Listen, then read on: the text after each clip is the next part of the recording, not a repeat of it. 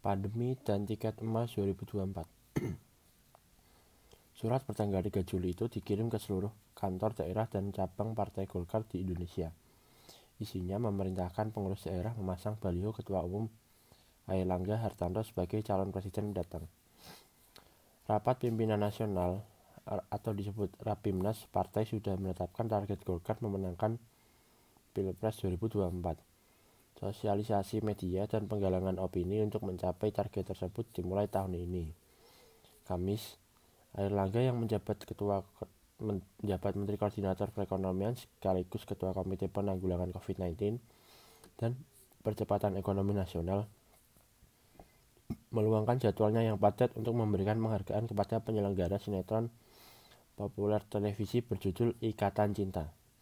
Ini penghargaan resmi dari Kementerian Perekonomian diserahkan langsung oleh Airlangga ditemani sejawatnya politisi Golkar Agus Gumiwang Kartasasmita yang menjabat sebagai Menteri Perindustrian. Sebagian orang mungkin bertanya, apa urusan dua kementerian ini dengan sinetron terbaik sementara situasi negara sedang darurat oleh pandemi?